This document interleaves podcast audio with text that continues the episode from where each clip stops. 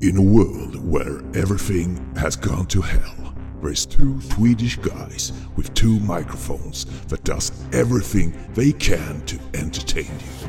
They have decided not to give up on you listeners. They will continue their jobs to sort out the good from the bad in the world of movies.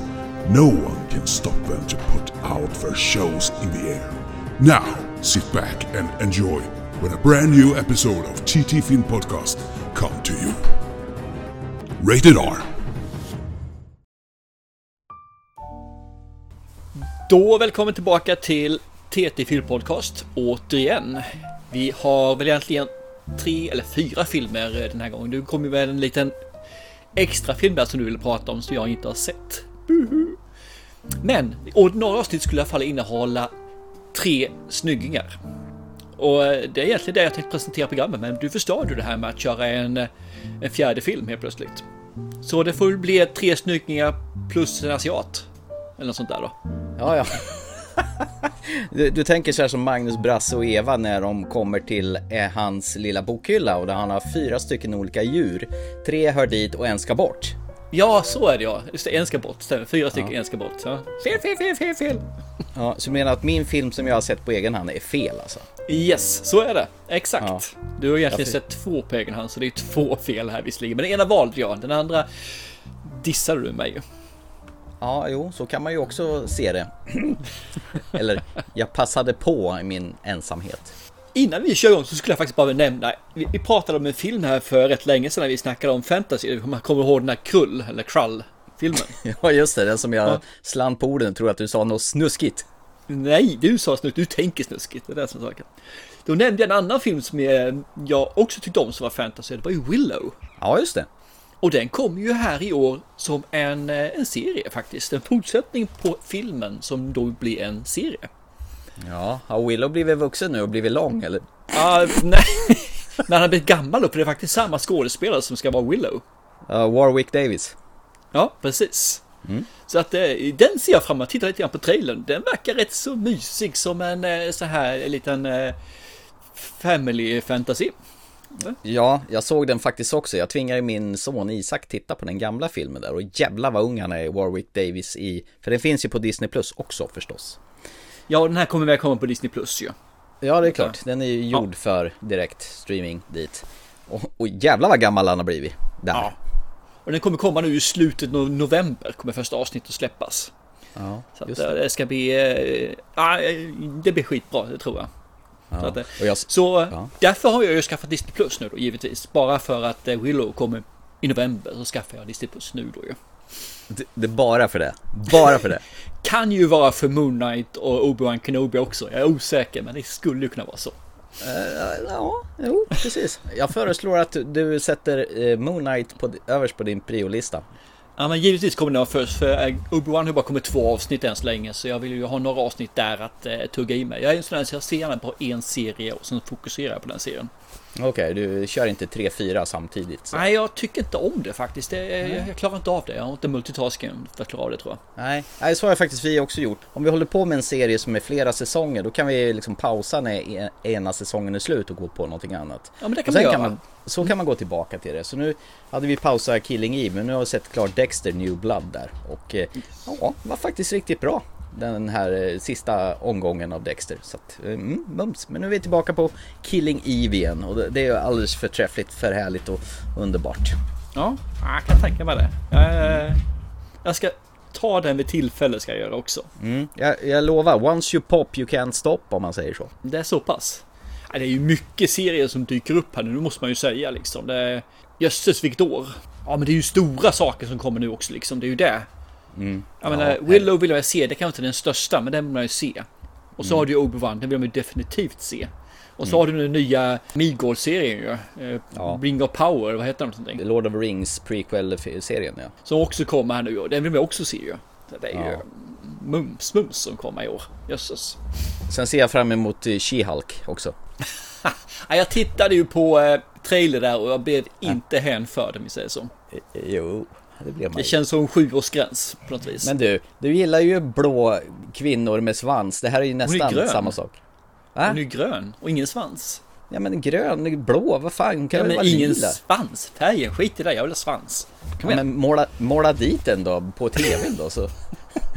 ja, jag, jag tycker i alla fall det ska bli riktigt nice. Jag, I, I liked it. Oh, oh, jag gillar det jag såg. Folk har blivit jättesura på att hon inte ser ut som folk har tänkt sig att det var dåliga animationer. Alltså de har gjort en uppdaterad släpp nu med bättre animationer. Där hon ser bättre ut. Så att det, det, titta en gång till nu för det har kommit en med eh, där de har retuscherat upp henne mycket bättre än tidigare. Ungefär som första versionen av Sonic the Hedgehog så de fick göra om hela trailern. Nej, men jag förstår inte varför man släpper en trailer som inte är fullt, fullt ut liksom. För det gör ju att folk kan ju bli bara dissade och säga nej jag vill inte se den här skiten, det ser ju töntigt ut. Ja, eller som de gjorde med den här filmen Cats där de inte, animationen var färdiga i den färdiga filmen. Ja men den filmen är ju inte färdig någonstans. Nej, det, det, det är en sån där jag- som jag aldrig någonsin kommer lägga ner en minsta sekund på att titta på, jag lovar. Kanske du ska. Nej, det kanske jag inte alls ska. Tyst! Nu får du sådana dumma tankar igen. Lägg av! Ja. Ska fundera på den som sagt var. Det beror ju på lite grann vad som kommer för intrut sen i en framtid. Du menar eh, tillbaka kaka och hämnden serveras kall? Precis, eller som en katt och hårig. En riktig hårboll alltså. Kräkas hårbollar. Ja, nej, men det som sagt var trailers för 2022 ska bli jävligt nice här alltså. Jag ser nästan fram emot det mer än jag gör på de filmer som kommer. Jag vet inte varför, men det, det har nog blivit så i år. Ja, men Bullet Train har jag förstått att du vill se. Ja, den vill jag se. Definitivt. Det vill jag göra. Och den filmen du ska prata om snart vill jag också se som sagt var. Så håll dig i tungan. Inga spoilers för då kommer jag över och sen så kommer jag att klubba ner dig som en liten gullig säl. Ska vi börja med den filmen då? Så drar vi av det här plåstret och får det överstökat och så får du se om du ska slå ihjäl mig om, om, om, eller om du ska liksom uppskatta det jag säger då. Är det inte bättre att vi tar den sist i sådana fall, i fall i fall? Så får vi i alla fall ett färdigt avsnitt. Nej. Nej, okej, vi kör nu då. Så du, du har lite... Ja. Så här var det faktiskt. Jag hade ju faktiskt en tanke med det där. Jag var ju till Göteborg förra veckan och sprang Göteborgsvarvet. Eh, tackar som frågar, det gick okej. Ja tack, eh, fint att du bryr dig. Jo, jag tog mig runt på två timmar och 14 minuter. Ingen så här märkvärdig tid men ja, jag tog mig runt, det var inte jobbigt. Ja, började morgonen med en riktigt äcklig migrän och eh, ja, ont i magen och fick håll de första tre kilometerna till nio men sen flöt det på så att ja, ja, jag anmälde mig till nästa år igen. Been värd done it. Ja. Precis. Ja. Ja, du gjorde det när du gick i mål också va? Anmälde dig om man säger så. Man kunde ju, på målområdet så kunde man ju ta en liten så här Då hade de byggt upp som en, eh, vad ska man säga, en, ett mål man sprang igenom till då där det står återanmälan 2023 och sen när man gick igenom det så satt en liten trött tonåring. Det var hennes jobb där att trycka på en knapp när, när varje eh, löpare gick förbi och återanmälde sig. Så sprutade lite så här konfetti och glitter som det skulle bli så här en fanfar när man gick igenom. Och man såg hur trött hon var på att trycka på den här. Att hon ville göra något helt annat än att sitta där och trycka. Men eh, där gick jag igenom och återanmälde mig till nästa år, fick man 100 spänn i rabatt också. Det var bra. Trevligt, trevligt. Ja. ja, men i alla fall kvällen innan då hade jag ju lite tid att slå ihjäl. Eh, jag har hämtat min nummerlapp, jag gillar ju att vara ute i god tid så jag åkte upp på fre fredag till Göteborg. Eh, checkade in på hotellet, åkte ut och hämtade nummerlappen och så tänkte jag hmm, på tillbakavägen. Fan, Everything Everywhere All At Once har ju premiär ikväll. Kanske ska gå och se den. Ja, så jag slängde iväg en liten eh, så här medan jag satt på spårvagnen på väg tillbaka. Eh, beställde beställde biobiljett. Och så jag gick och såg den helt enkelt. Men eh, respekt för min poddkollega, det vill säga du, så kommer jag bara förmedla mina intryck och känslan. Eh, jag vet att han blir, att han är skitsugen, eh, förlåt, jag menar att han är skitsugen på att se filmen också. Båda stämmer, båda stämmer. Ja, det var ju alltså premiärkväll för den här filmen och eh, jag klev av eh, spårvagnen då vid Skandinavium. Eh, Ungefär 150 meter bort så hittar man filmstaden Bergakungen. Jag har åkt förbi där jättemånga gånger när jag har varit till Göteborg tidigare sprungit Göteborgsvarvet och tänkt Fan, det vore trevligt att hoppa in där någon gång.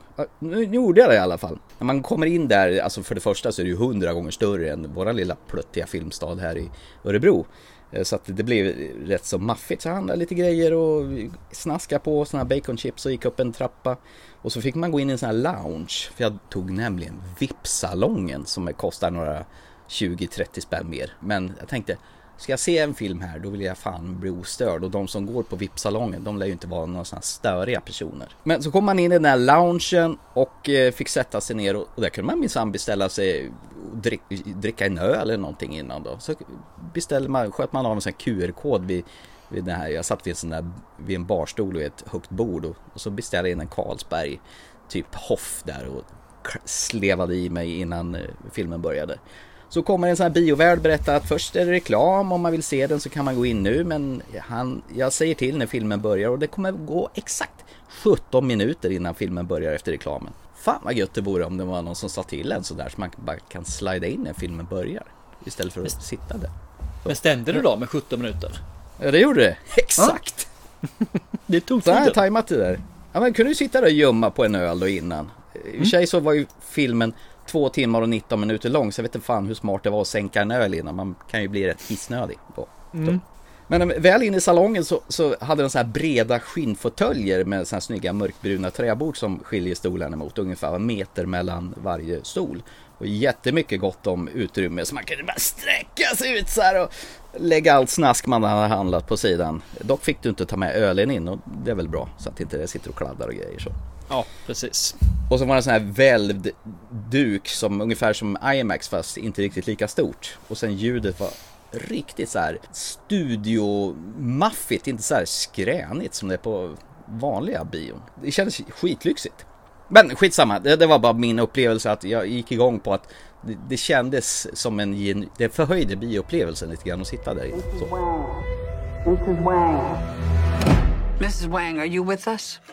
I am paying attention. Now, you may only see a pile of receipts, but I see a story. I can see where this story is going. It does not look good. What's happening? Evelyn, I'm not your husband. I'm another version of him from another universe. I'm here because we need your help. Very busy today. Uh, no time to help you. Across the multiverse. There's a great evil spreading throughout the many verses. And you, our only chance of stopping it. Don't make me fight you. I am really good. I don't believe you. Wow, Thomas, really good. The universe speaks of senseless things. is so much bigger you and me. than you realize.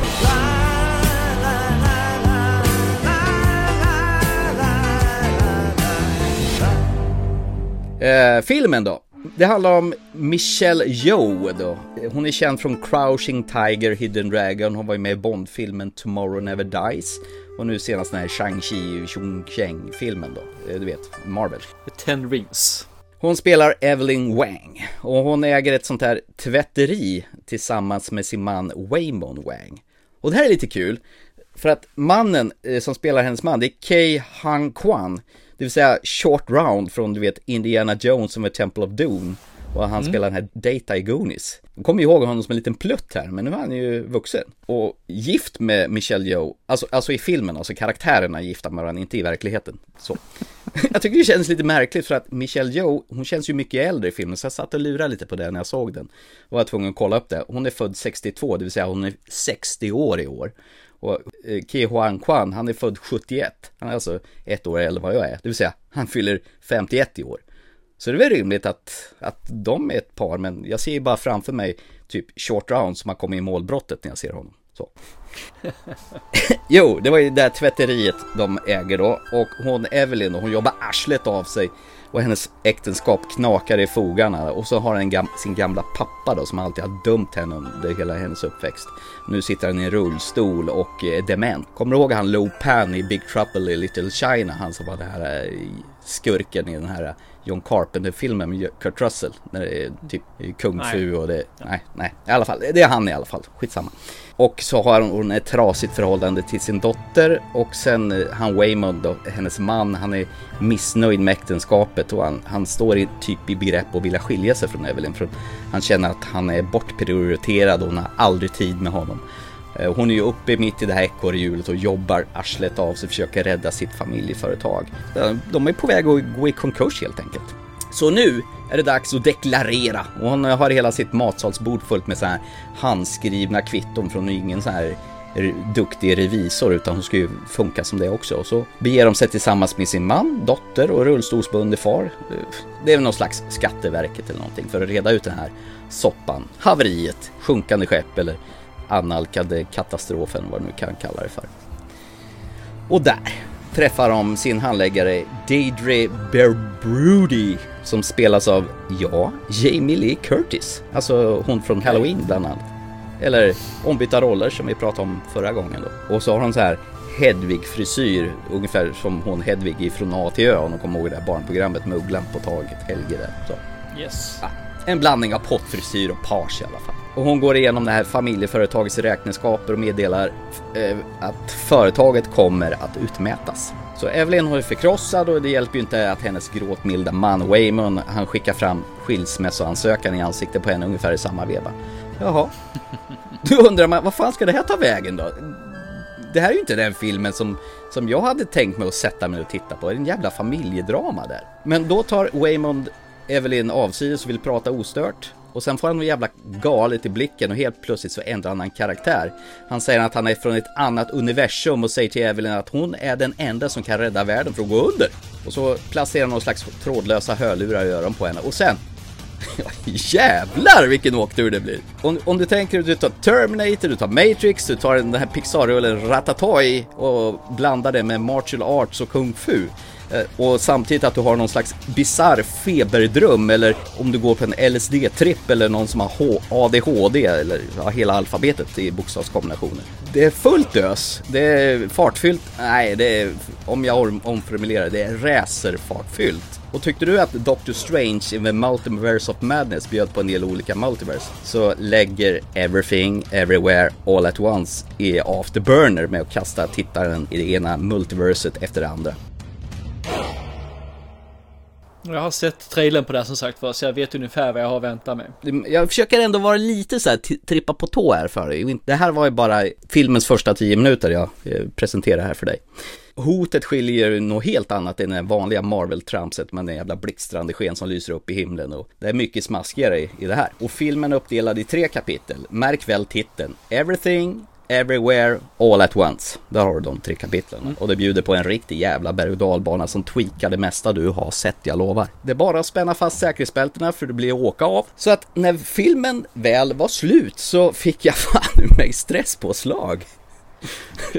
och, och kände mig helt slut. Kanske inte var så jävla smart att köra till en halvtimme bil, åka spårvagn runt hela Göteborg och sen se en film som får en Formel 1-race verkar gå i takt med farfars bil på Liseberg. Sen förhöjdes väl upplevelsen att det var VIP-bio och samtidigt alla som har betalat där extra, att de var helt knäpptysta, vilket gjorde att man bara kunde fokusera på filmen. Ja, det, det gör ju saken lite enklare, helt klart. Och det var det bästa var att när jag väl bokade biljetten så fick jag 20% rabatt för de har någon drive på Filmstaden för att man nyss har varit på bio. Välkommen tillbaka. Så att den här extra biobiljetten som skulle kosta 189 spänn, den kostar ju bara som en vanlig biobiljett. Eller bara ska vi inte säga, det är ganska dyrt att gå på bio. Men det reduceras ner till som jag hade gått till en vilken salong som helst annars. Nej, det här var, det här var mumma. Det här var wow. Du får inte en lugn stund i filmen.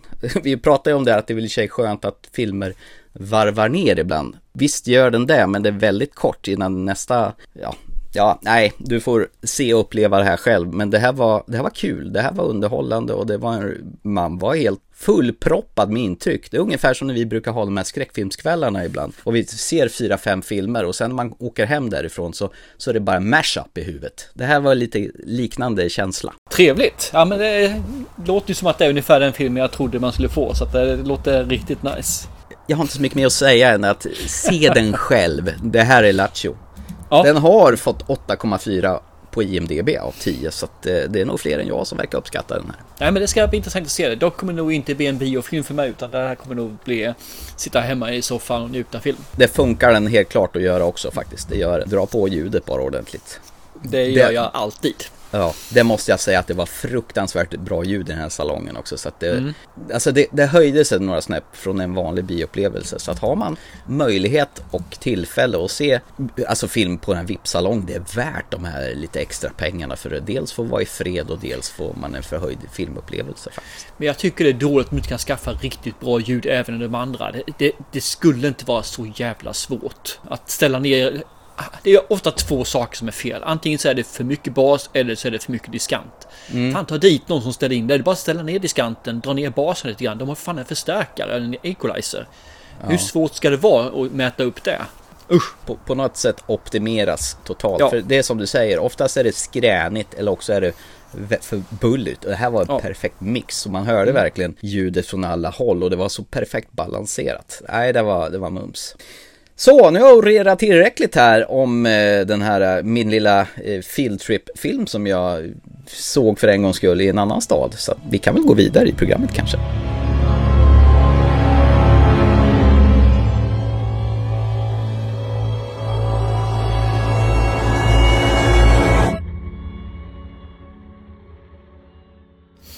Ska vi då ta den första vackraste? Det kan vi göra. Och en dokumentär för en gångs skull. Vilket jag inte fattade när jag slog på den här filmen att det var. Nej, jag visste inte heller om det. Jag har ju sett eh, trailer på det här och hela kört. Men jag trodde faktiskt att det var en spelfilm som var baserat på. Men att det är ju som du säger en dokumentär om. Med eh, ja, en hel del tillbakablickar då. Du som är här allra färskast i minnes, jag tror du brän, rev av den här idag. Vad eh, får vi från denna producerade film från 2021 som heter Världens vackraste pojke?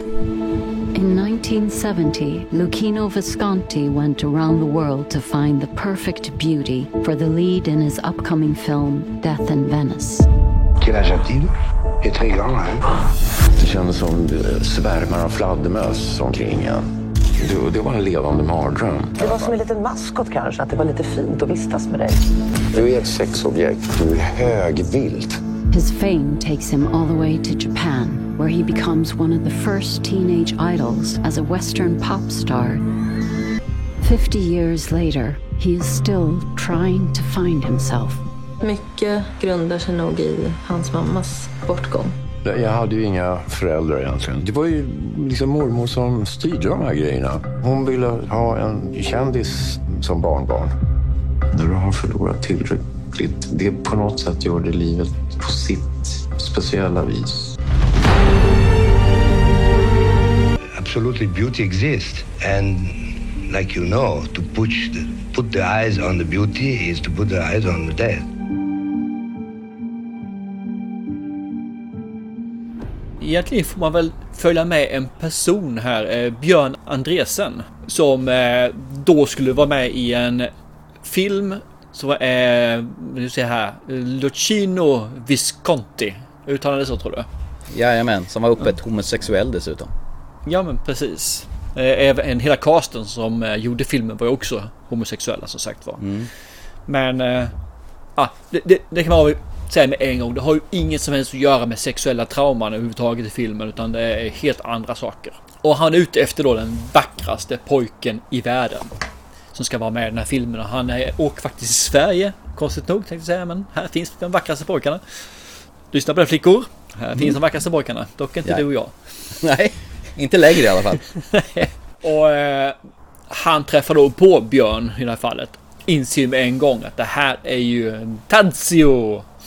Och ska då vara den vä- världens vackraste pojke. Till sin film Döden i Venedig. Precis, som jag inte har sett faktiskt. Och kommer nog inte se heller tror jag inte. Jag blev lite sugen på att se den nu faktiskt. Ja, okej, okej. Nej, jag, jag tror jag passar på den. För jag, jag kände att han var lite creepy, den här lilla Lucino eh, Visconti. Där. I alla fall så får man följa med hur filmen, han berättar om film, han berättar om sin barndom och sen så får man hoppa in hur han är nu då som vuxen. Och sen hoppar man tillbaka när han är ungdom och till Japan till exempel. Hoppar tillbaka när han är vuxen. Och får följa både hans umbärande i barndomen och sen vem han är som person här idag nu. Jag tycker lite tragiskt där när vi möter Björn tillsammans med sin flickvän då i hans lägenhet. Där grannarna har börjat klaga på honom att han har väl sån här gasspis hemma och att han inte stänger av den där. Och att han Mm. har den på jämt på vintern och de menar på att han är en fara för alla andra som bor i den där. Och när flickvännen börjar kika hur han har det hemma i lägenheten och det Misär det är misär, alltså det är så här riktigt äckelpäckel. Liksom det växer saker bland lakanen på, hos honom. Han vet inte riktigt hur han ska ta hand om sig själv och sitt liv där. Han verkar rätt så handfallen och han verkar vara ganska... Du, ursäkta mig, jag har en hund här som håller på att stöta in i bordet. Han kräver uppmärksamhet, sitter ute idag så det är därför. Ja, okej. Hade, hade, hade det inte handlat om den här personen, om man visste det, så hade det kunnat vara vilken före detta drogberoende, al alkoholist eller vad som helst alltså. Mm. För han beter sig väldigt likt det sättet som jag har sett andra personer som har hållit på med gravt beroende gör alltså. För han, han är lite, jag tänkte här bakom alltså, men han, är- han är trög rent ut sagt i sitt, i sitt agerande. Han, han är off i mångt och mycket. Samtidigt så är han ju inte det när man hör annars. Men det är just hur han beter sig. Det här ta hand om sitt eget hem till exempel. Han bara äh, ja, jo, en normal människa stänger ju av gasen. Och jo, och sen samtidigt så har han då när man möter honom ute i till exempel Japan när han är där på återbesök. Då är han tillbaka. Då är han ju som, som en, en vanlig människa om man säger så. Det blir så, det blir så plumpt uttryckt där. Jag, jag hör mig själv säga det här och det, det får mig att låta som man är mentalt störd, vilket han inte är. Nej. Men han är inte riktigt där när det gäller alla delar av vardagslivet. Nej, det känns som han stängt av. Ja, men lite grann så, precis. Så Att det, det, det finns inte riktigt där. Va? Och jag inser att min beskrivning av honom har blivit jävligt tuff och elak och det, det är inte meningen. Han, är, han verkar vara en jäkligt god person när man just träff- träffar han i de här situationerna. Mm. Men just det här hemmet och det här gör ju att jag bara wow, vad fasen ska han verkligen få gå på gatan utan ledsagare? Ish. Jag tänkte om vi, om vi backar lite grann till när han blev castad där i Stockholm och han kommer in där Mm. som nummer fem eller någonting. Och han, eh, regissören eh, Luciano Vis- Visconti, han inser att han hittar sin Tadzio i Björn. Och han börjar plåta honom med alla olika vinklar och bara du tar i tröjan, han ska, du ska bara posera i kalsongerna. Så man redan där, wow, vad fan. Han ställer sig där och ler lite så här försiktigt. Sen vet jag efter, när, när de väl släpper den här filmen i Cannes där, och då blir han nästan lite hånad över att han har börjat bli för gammal. Han, han menar på den här regissören att ah, han är ju ändå 15-16, hamnar i puberteten. Eh, han var vacker förut men han kanske blir en vacker man. Och verkligen Mm går och motar honom fram alltså som han är en, en, ett får och han är den andra fåraherde. Går och skockar honom framför. Nu förstod han ju inte franska så han hörde ju inte och förstod ju inte det. Men det är ju ett jävligt elakt sätt att uttrycka sig mot en, en tonåring. Väldigt rått, väldigt eh, plump. Och sen dessutom skrivit kontrakt med han Björn som gällde i tre år så att han äger det här att rättigheterna att kalla honom världens vackraste pojke och han ska följa hans minsta vink. Mm, och där har vi ju egentligen, han, så hans mamma tog ju livet av sig, självmord. Ja, så bodde det. han ju hemma hos sin mormor istället och det är hon som pushar in han i den här filmbranschen då för hon vill ju ha en känt barnbarn. Ja, vilken jävla kärring. Ja, hon är ju, ja precis. Det är bara ett jävla egoistiska motiv på hennes sätt där. I alla fall som det framställs i eh, filmen så är det Ja, det. jag, jag känner det. Nu tror jag inte att hon lever längre så hon kan väl knappast försvara sig. Och sen helt plötsligt så blir han skitstor i Japan också. Får åka på en massa turnéer där och ska spela in han spelar väl in en skiva där också så man sjung, får lära sig japanska och sjunga. Precis, han lär ju sig japanska orden så han har ju melodin, han har uttrycket men han, han kan inte prata japanska så bra om jag förstod det rätt. Däremot var det lite kul för det visste ju inte jag för hans utseende är ju liksom basen för alla manliga manga-figurer mer eller mindre. Och det, det tycker jag är kul, om man tittar på just hur manga-figurer nu som de visar och som jag har sett lite grann också så är det ju mycket av de dragen när han var 15 år gammal. Alltså det är väldigt mycket likheter där. Ja, man får ju se en sån här man, mangatecknare som, som initialt ritade av honom så blev det väl jättemånga andra som inspirerades och gjorde han Mm. på samma sätt. Det är ju grunden man säger så för de manliga mangafigurerna. Lite sorgset. Blont hår verkar ju vara populärt också liksom. Men Ja. just det här ansiktsformen. Ja, så här lite kantig i ansiktet så. Och just det här sorgsna ögonen. För hade han också hans, han, han var ju inte så jävla glad för det här egentligen. Nej, han fick ju massa ångestdämpande för att trycka i sig för att han skulle kunna hantera situationen. Han verkligen ville ju inte vara där fast han, han var inne i karusellen om man säger så. Exakt. Ja. Man kan säga att han var big in Japan. Precis. Ja, ja. Men du, det, det blev ju lite så här, eh, våran favoritfilm Midsommar. Mm. Han var ju den här eh, ättestupa-killen. Ja, han som eh, missar stenen som går och drar en stor jävla klubba i skallen på en sen. Ja, precis. Ja, det, jag tyckte jag kände igen honom, men sen man, såg, man fick ju se från inspelningen av eh, Midsommar då. Ja, jag såg inte det ska jag erkänna förrän jag såg sekvensen. Aha, tänkte jag då, givetvis. Var rätt kul att se som sagt och han har ju gjort några filmer, ingen stor skådespelare på det viset så inte men han har gjort några stycken i alla fall ju. Den tuffaste delen av dokumentären, det är väl tycker jag när han börjar rota i sin mammas död. Jag tyckte det var svinjobbigt att se där. När han hittar hennes, det var någon form av avskedsbrev. Att hon känns som en skugga, hon finns inte, jag, jag dör inte, jag bara försvinner. Men det är väl så tror jag så många känner som, eh, som tar självmord. Att Mm. det, det är ingen som bryr sig alltså, jag bara försvinner liksom. Att, eh, vem, vem bryr sig om mig? Det är ingen som kommer sakna mig. Och sen man får reda på att han hade väl en liten dotter som gick bort av eh, olyckliga omständigheter. Mm.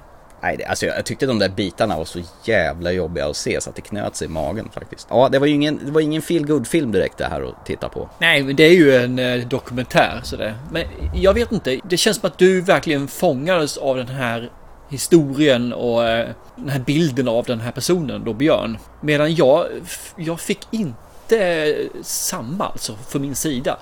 Eh, Okej. Jag förstår tragiken men jag tycker inte riktigt de lyckades binda ihop det och jag kunde inte riktigt engagera mig i hans öde och person på samma sätt. Det är lite, lite, lite för jobbigt för mig för att komma, komma in i filmen. Inte jobbigt för att det var en jobbig och, och rörande film utan jobbigt för jag hade svårt att jag får den här sympatin, får allt det här liksom och framförallt så är det, är det ingen stringens i berättandet. Utan det kändes ibland, har de plockat upp en kamera och sen så har de väntat och se vad som händer så plockar man in det i filmen. Det finns liksom ingenting att man styr det utan det känns mer som att vi ser vad som händer i stuket.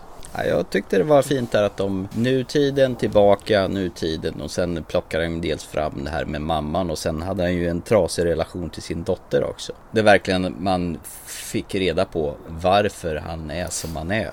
Och det var ju jag fattar inte hur mycket skit det kan hända en och samma människa. Jag var superberörd av det här och jag, när jag Mm. stängde av där, det var liksom fy fan alltså. Ja, det var ett riktigt tragiskt livsöde där. Fast han lever ju fortfarande. Det gör han. Ja, så du kände att eh, det här har du kunnat varit utan eller? Ja, men det, det är lite som du säger, liksom att delarna som sådant är bra, men jag får inte ihop säcken. Den, den känns trasig, filmen. Det känns som att eh, man har pusslat ihop någonting och så har man inte fått med alla delar. Eh, För att försöka förklara hur jag känner inför, känner inför dokumentären. Det, det finns liksom inte det här att man får ihop helheten. Och det tycker jag det gör att jag inte blir engagerad. Det gör att jag inte känner att det här är något extraordinärt för mig. Det finns så många sådana här öden som man har tittat på som är likadana fast då handlat om lite andra saker. Istället för en film så har det varit droger eller varit någon sjukdom eller vad det nu kan vara för någonting. Mm. Som har varit så mycket bättre tycker jag än den här. Men jag tror att den, eh, det, det finns folk som kommer tycka den är jättebra. Du är bevisligen en av dem. Men inte från min sida, nej. Det, den eh, lyckas inte fånga mig, den här dokumentären alltså. Det gör den inte. Så, så kan det ju vara. Ja, det är tråkigt faktiskt. För eh, jag, jag tycker oftast om eh, man får lyssna och lära känna personer genom deras öden och så här. För det, det brukar beröra mig jävligt djupt. Men den här gången så misslyckades det. Det gjorde det. Men det är väl så. Man kan ju inte göra en omelett utan att knäcka några ägg som jag brukar säga. Nej, jag tycker den var fin i alla fall. Eh, Så att Ja. eh, har ni möjlighet att eh, ta till er lite bad feel bad så rekommenderar i alla fall jag dokumentären Världens vackraste pojke.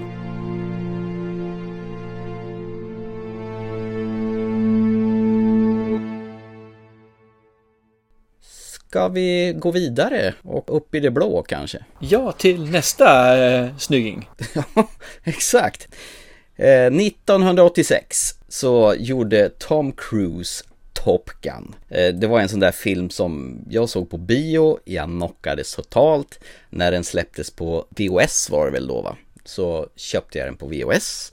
Och när den väl kom på DVD så köpte jag den på DVD. Jag har dock inte köpt den på Blu-ray, men jag har sett den här filmen åtskilliga gånger. Det var en sån här klassisk Jerry Bruckheimer, Don, Dan Simpsons, de som gjorde Snuten i Hollywood. De som, eh, Jerry Bruckheimer gick ju vidare, gjorde så här riktiga actionstänkare som The Rock och Conair och Face-Off och allt vad det nu hette. Men eh, det här var väl Tom Cruise största genombrott då när han eh, är en sån här eh, lovande pilot som gör precis som han vill och skiter i alla andra bara för att han vill gå sin egen väg. Alltså en Maverick, därav hans call name Pete Maverick Mitchell då. Och som kärar ner sig i sin lilla, lilla, sin instruktör eh, med ko- konam Charlie då, som spelades av Kelly McKillis. Mm.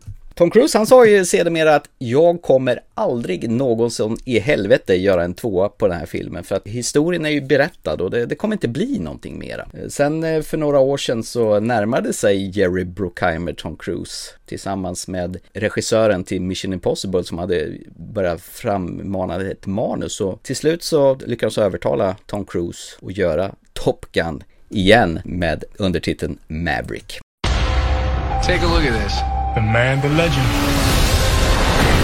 This is gonna take you and your aircraft to the breaking point. What the hell? Make us proud. My dad believed in you. I'm not gonna make the same mistake. Oh my god, here they come! Those are your pilots. If anything happens to them, you will never forgive yourself. Here we are.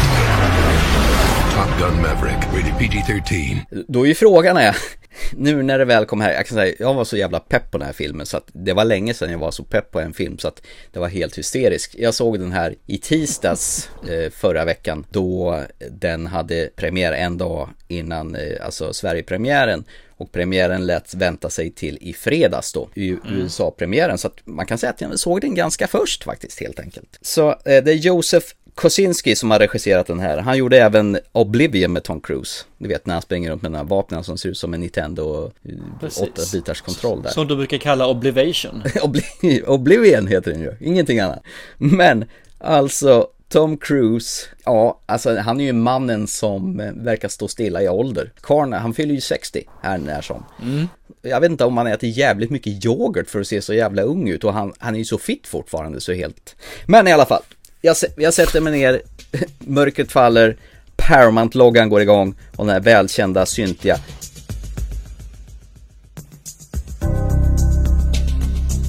Och sen kommer det här domedags...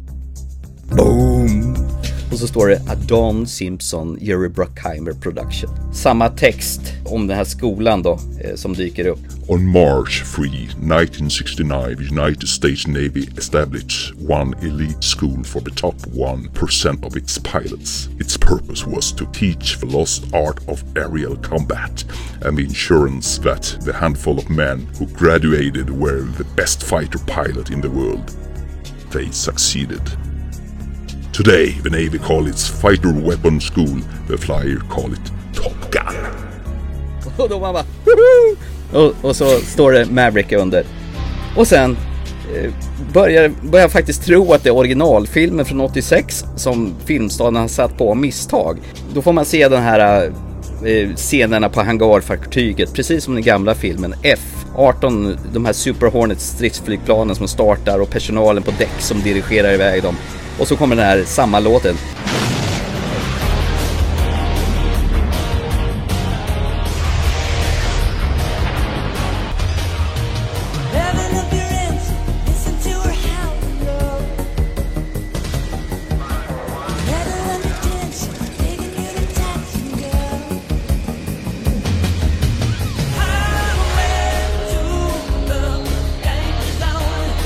Fan, det är exakt kopia av hur den förra startar. Och det är Hans Zimmer naturligtvis som har gjort musiken, Lady Gaga har gjort slutlåten och Harold Faltermeyer, du vet han som gjort Axel F-temat och bland annat och även till Fletch och även gjort den här då. Men sen fejdar det ut till svart och så möter vi Pete Mitchell i en hangar och skruvar på ett gammalt flygplan och då får han ett samtal om att han ska bege sig till sitt lilla team som testar ett stealth-flygplan som förväntas kunna flyga i Mach 10. Mach 1, är inte det typ ljudets hastighet eller något sånt där? Yes, stämmer. Så man ska kunna flyga i 10 gånger ljuset, ljudets hastighet. Projektet ska stängas ner om man inte kan uppvisa resultat och komma upp i de här Mach 10.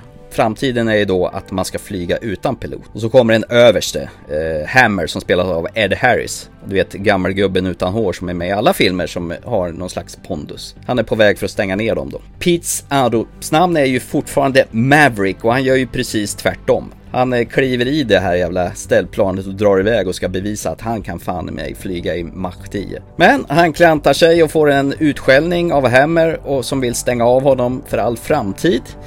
Men naturligtvis i elfte timmen så blir Peach förflyttad till, ja, såklart, Top Gun. för att leda ett sånt här Mission Impossible.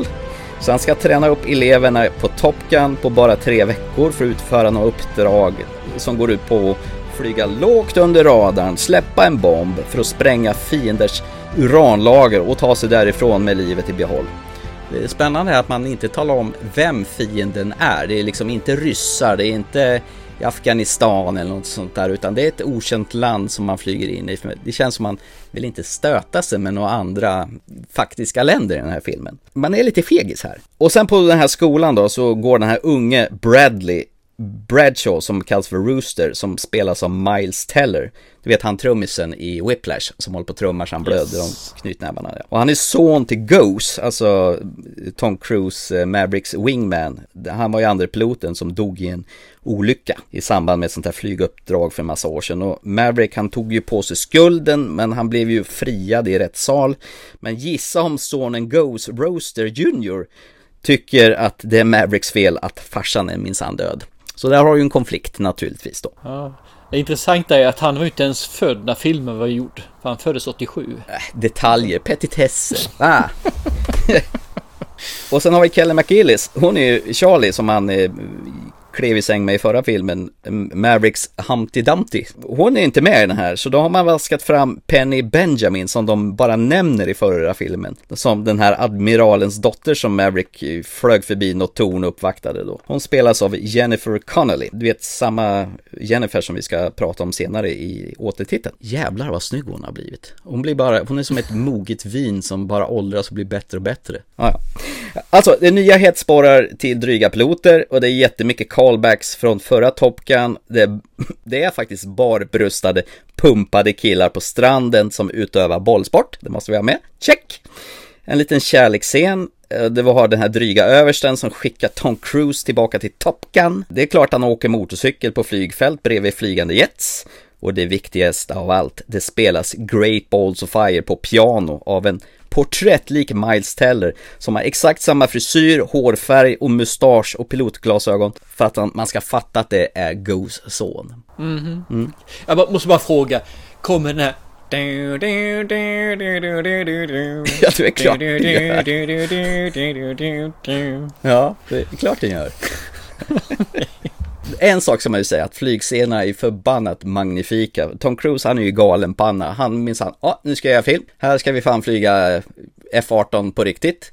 Så han eh, lär sig ju ratta en sån där. De trycker ut allting som är onödigt i de här flygplanen och, och stoppar i IMAX-kameror i alla flyg. Så att hela filmen är faktiskt inspelad i IMAX, så den är gjord för det. Mm. Och tvingar sina de här skådespelarkollegorna att först sitta i simulatorer och det slutgiltiga steget att de får minsann sitta i en varsin sån här F18 och ha, ha en kamera upptryckt i nylle på dem. Så att det, det var tydligen massor, massor med hundratals flygtimmar och det bara gick att använda typ några minuter vid varje tillfälle. Så den här tog ju lite tid att göra då. Det vi ser på filmen, det är filmat på riktigt, så det är faktiskt en riktig jävla intensitet och äkthet över det hela. Man skohornar även in Val Kimler i den här filmen. Du vet han Iceman, You can be my wingman anytime. Han som var hans största yes. konkurrent i förra filmen. Vad jag vet så var det rätt så osäkert ända fram till slutet om han skulle vara med eller inte. För han har väl strupcancer för mig har haft. Det grejen är att man gör faktiskt en liten roll av eh, just den grejen då, att Val Kimler har ju, som du säger, han har ju det i verkligheten. Så att man låter karaktären Iceman också ha det. Så att han mm. har bara en liten, liten pluttig roll och frågan är om det inte hade varit bättre att stryka hans medverkan för det kändes... Ja, men jag tror han ville nog verkligen vara med i den här.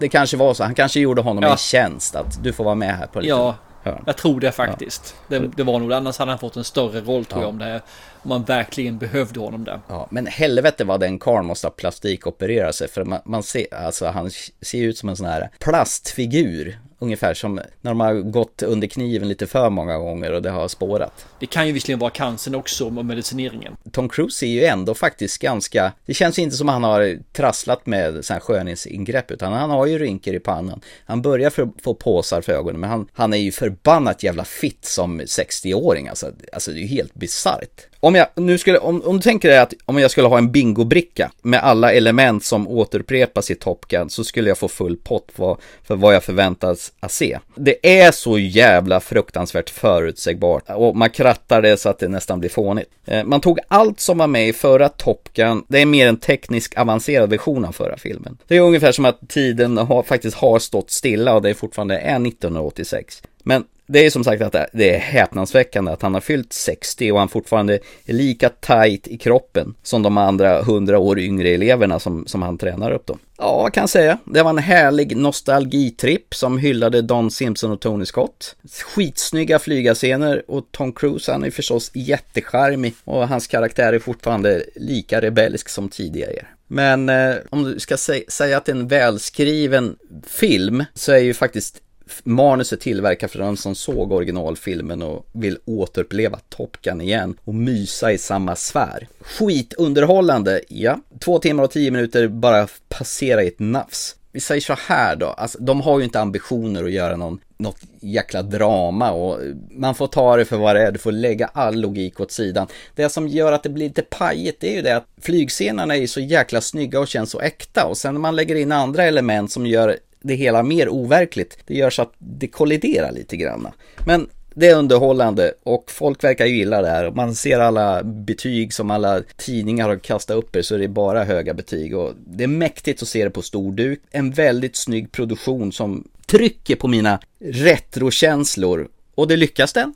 Ja, för tusan, det gör den. Det här är mys för den som älskade Top Gun 86. Han kommer bli lika lycklig över detta också. Och vad jag har hört så är ju det här en av hans mest inkomstbringande filmer någonsin på kortast tid. Ja, men det är ju alla som föddes och växte upp med den första filmen här på 80-talet kommer ju se den här och de har ju pengar så de går ju se den med en gång. Ja, ja. Så att givetvis så, så finns ju säkerligen en hel hop med ungdomar som också ser den. Så att det är klart det här blir en eh, inkomstbringande film. Ja, ja. Tom Cruise gör bara inkomstbringande filmer. Ja, visst är det så. Att, Han är ju en produktmaskin av större rang där. Man håller sig till en viss eh, genre med filmer. Där finns det folk som vill se det. Och han har ju gjort så. Han är ju en religion bland många om man säger så i filmbranschen. Det här är, kommer ju gå som tåget där. Det, för mig var det ju som att gå tillbaka till 86 och återuppleva Top Gun. Det enda som jag störde mig på att det skulle vara så jäkla övertydligt att Miles Teller var Ghost Stone, alltså Anthony Edwards som spelade Ghost. Att de var tvungna att göra dem så jävla lika. Så att Mm det, det ska vara så här skrivar på näsan. Fattar inte du det här nu, då, då, då kommer du inte fatta någonting. Det här var mums. Det, det här var blockbuster-underhållning när det är som bäst. Och det bästa sättet att se på den här, om man har möjlighet att se den i IMAX, då, då får man nog en ännu större upplevelse. För flygarscenerna var sjukt mäktiga. Jag ska erkänna att jag är fortfarande inte sugen att se den här.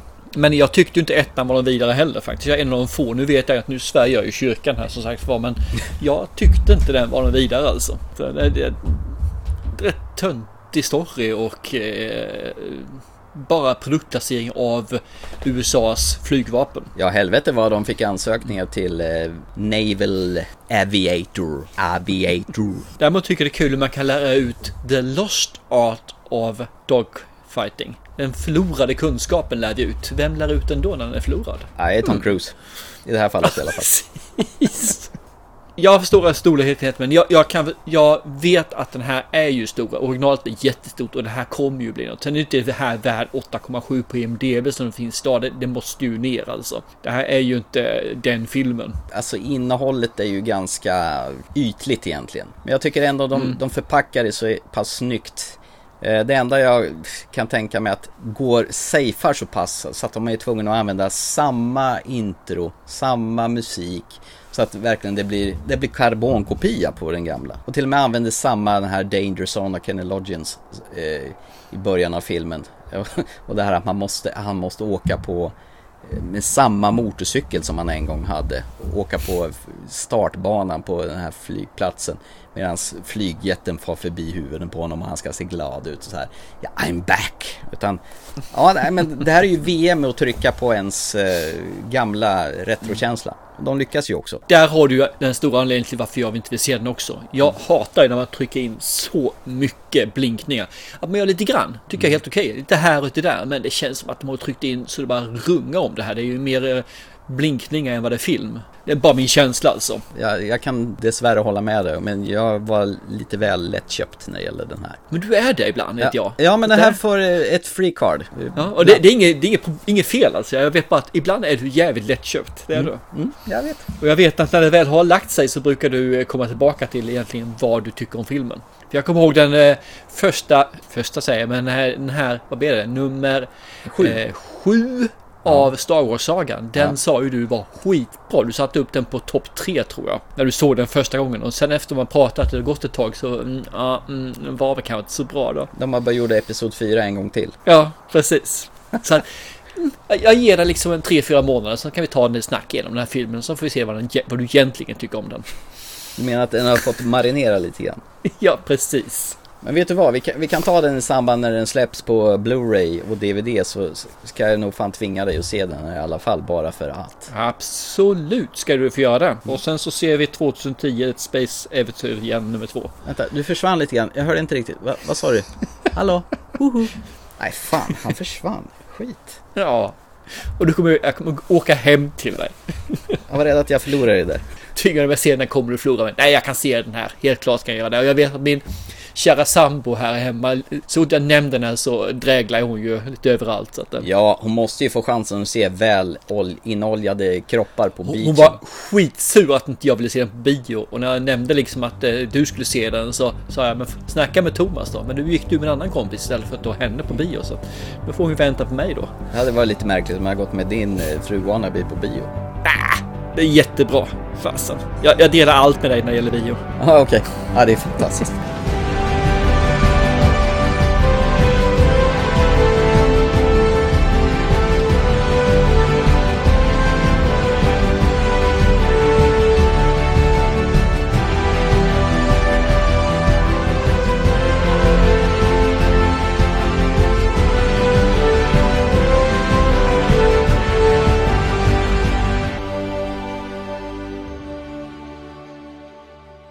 Ska vi lämna upp i det blå och gå ner till någonting mycket djupare och gå tillbaka i tiden kanske? Ja, precis till eh, den sista av eh, Vacker.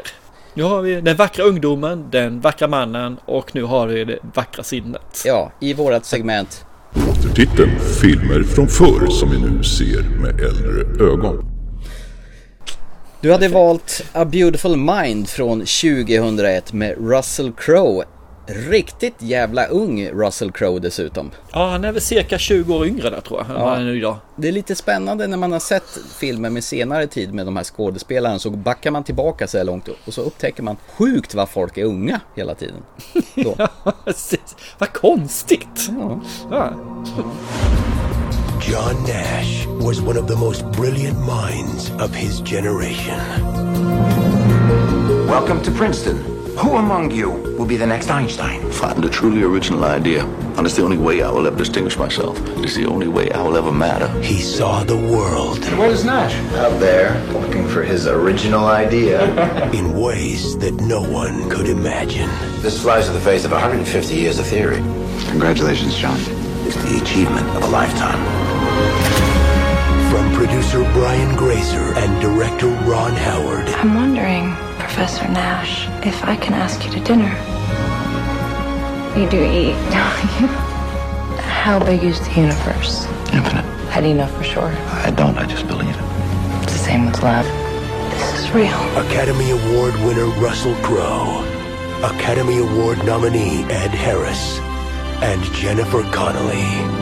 Perhaps it is good to have a beautiful mind, but an even greater gift is to discover a beautiful heart. A Beautiful Mind.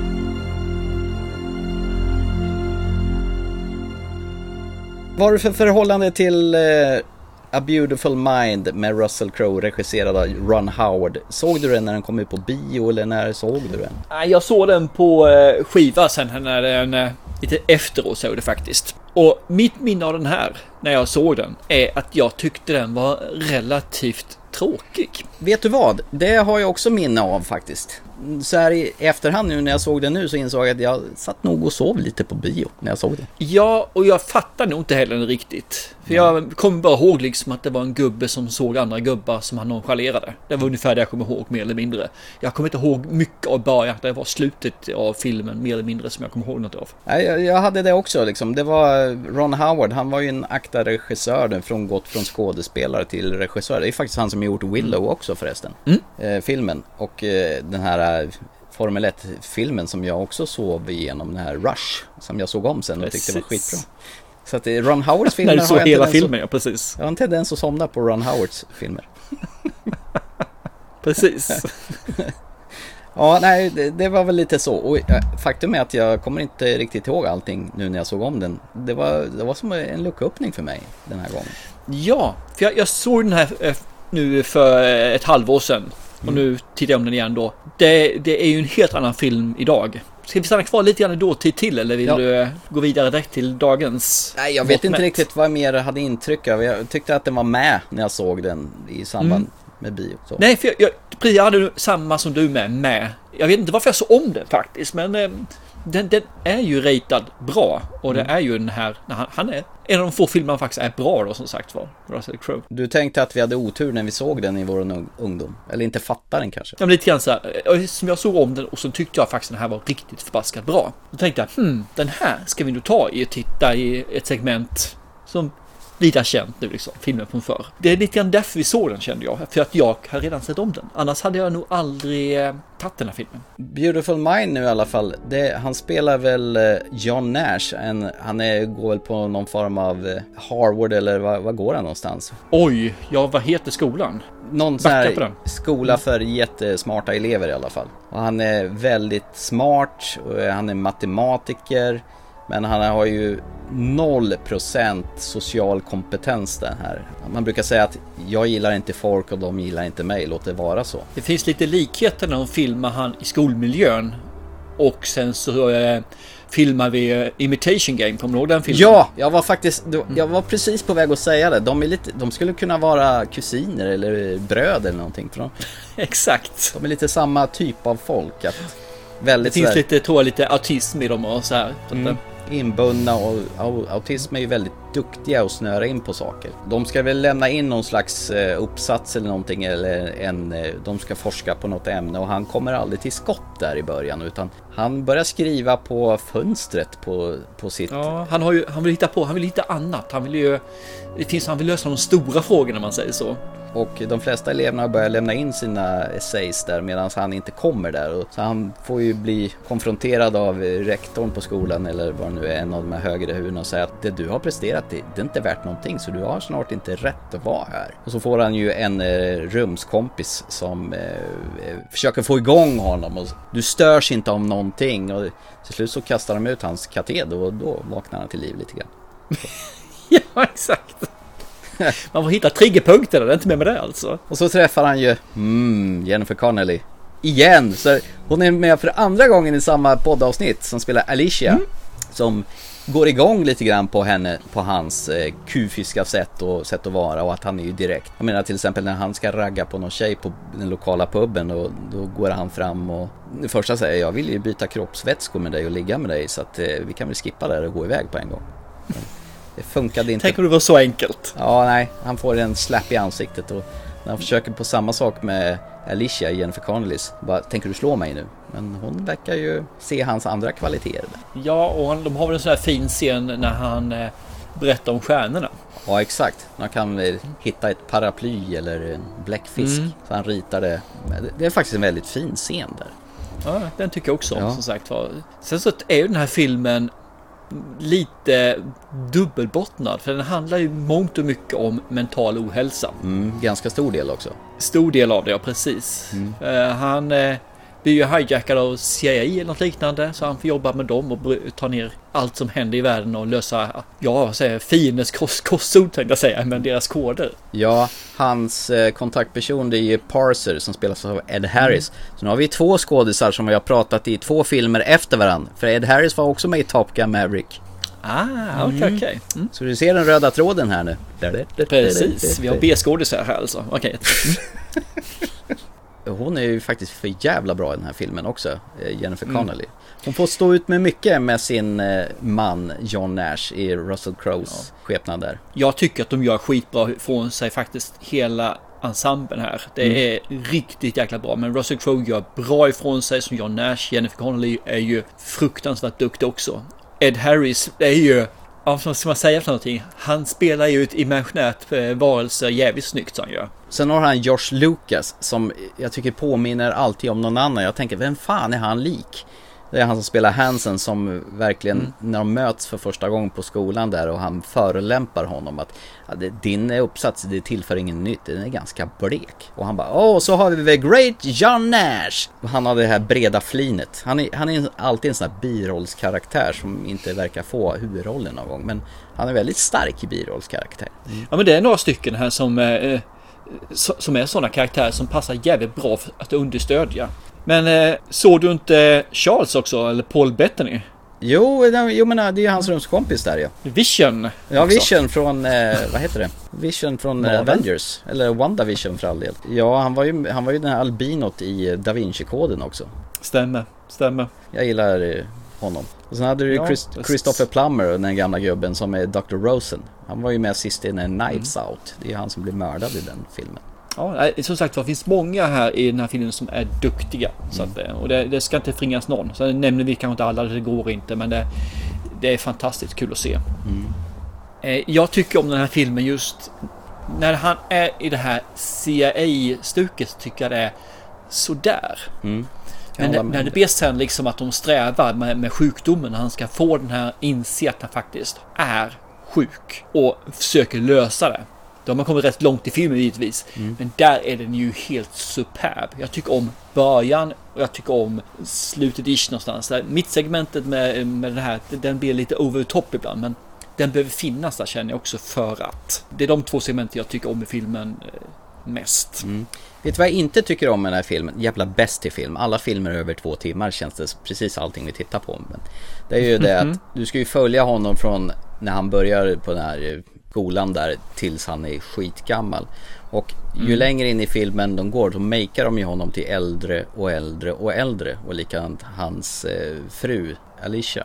Just det där att en film som sträcker sig över så lång tid från att han är ung till han blir gammal och slutar, ja, kanske inte behöver tala om hur den slutar, eller nu har vi folk sett den här säkert eller någonting. Men jag, jag tycker, jag gillar inte det här när det ska sträcka sig över en sån här lång tidsperiod. Nu är det två år senare, nu är det fem år senare, nu är det ett år senare. Jag har sån allergi för när det ska hoppas framåt i filmer. För jag vill veta vad som händer däremellan också. Det är likadant som när jag och min sambo såg på den här serien, svenska serien Vår tid är nu, som helt plötsligt, nej, nu hoppar vi fram tre, fyra år i film. Men vad fan, däremellan då? Jag, jag gillar inte det, utan jag vill ha en tid i en film, inte så här så att det ska sträcka sig över hel jävla livstid på två timmar och 15 minuter. Sånt tycker jag är skitjobbigt. Jag vet inte varför. Okej, okej. Mm. Jag, jag tycker det är... Det måste vara jättesvårt för det då att få se filmer egentligen när man ska ta en människas livsöde. Ja. Då får man bara... Gå, kan ju ta två år. Sen kan vi inte göra mer. Och så följer de åren. Men vad händer de månaderna emellan? Då måste man ju få det med. Fast du måste ju ha 24 timmar måste vara din optimala serie. Alltså allting får man se förutom toalettbesöken. Det är ju svinbra. Och när det är reklampauser. Jack Bauer går aldrig på toaletten eller sover. Eller jo, det gör han ju när det är reklam för Coca-Cola och Pepsi kanske. Och blöjor, Pampers. Ja, just det. Just det. Okej. Eh, kommer du ihåg en film som heter, heter den? från? Heter den About a Boy eller något sånt där? Nej, med Hugh, eh, vad heter han? Eh, Ja, det är en Nick Hornsby filmatisering. Den här Men, filmen som de har filmat in i, var det 12 år eller vad de, de, de tog och film- Ja, alltså den filmen? med Ethan Hawke ja. Ja, just det. Boyhood heter den. Boyhood så heter den ja, precis. Tyckte du den var hemsk också? Nej. För där hoppar de ju också. För det är ju tre år till framåt i tiden. För de Men han var, ju, han var ju inte ung och skitgammal i slutet. Det var ju typ som hundraåring kröp ut i arslet och försvann på slutet. Med dåligt makead. Nej, men jag, jag, kan, jag kan köpa lite grann, eller jag kan ha förståelse för vad du säger. Samtidigt så tycker jag om det här när man får följa hela vägen igenom. Jag tycker om det faktiskt. Mm. Och hur ska man lösa det? Skulle man lösa det då med att byta ut Russell Crowe någonstans där i mitten och ersätta med en gammal gubbe som inte liknar. Då är det ju bättre att man gör en sminkning och så får man acceptera det, tycker jag. Så jag har inga problem med det. Men jag, jag vet att du har bekymmer med det. Jag har Eh, jävla bekymmer av det. Eh, Jag tyckte början var jättebra när, när han är ung. Och sen tyckte jag det var jättetrevligt och mysigt när han eh, träffar sin blivande fru. Den här äh, agentgrejset i mitten, det har jag för mig tyckte var astråkigt när jag såg den på bio. Och jag tyckte faktiskt det var lika tråkigt där också. Sen tar den sig när han blir koko i huvudet där och försöker hantera det. Och sen sist, Mm. sista 20 minuterna. Den är, det är som att åka berg och dalbana. Ibland är den bra, ibland faller den. Och, alltså, den... Och jag tycker de sista 20 minuterna är skitbra. Ja, jag tycker det är skit. Verkligen bra. Jag tycker skit. När han ska få pri... Är det här baserat på en verklig händelse förresten? Här, jag tänker på ämnet. Ja, det är det. John Nash är ju det är han som gör ekonomi, eh, grundfundamentet för ekonomi liksom. Ja, var han kok i huvudet sådär också och schizo? Ja, han, han var schizofren. Ja, Okej, ja men då är det väl bra då. Så det här följer liksom, det är based on. viset. Jag vet inte om han gjorde det här med CIA, det har jag inte en aning om det stämmer överens med verkligheten. Men eh, allt andra stämmer överens. Men vet du vad i så fall det bästa var med filmen? Att man inte får reda på vad som hände sen och bilder på den riktiga John Nash. Ja, det får- fick man inte, just det. Nej, det gillar jag. Usch! Eh, han dog. Ja, det är klart han gör till slut. Men, men, men så här att man, de levde tillsammans ända tills han dog och eh, han, de fick 18 barn och grävde i rabatterna tills han fick hjärtattack och dog på uppfarten. När en glassbil körde över hans skalle. Han skvätte- höll på med matematik ända till han dog. Jaha. Jag tyckte min eh, eftertext var mycket ballare.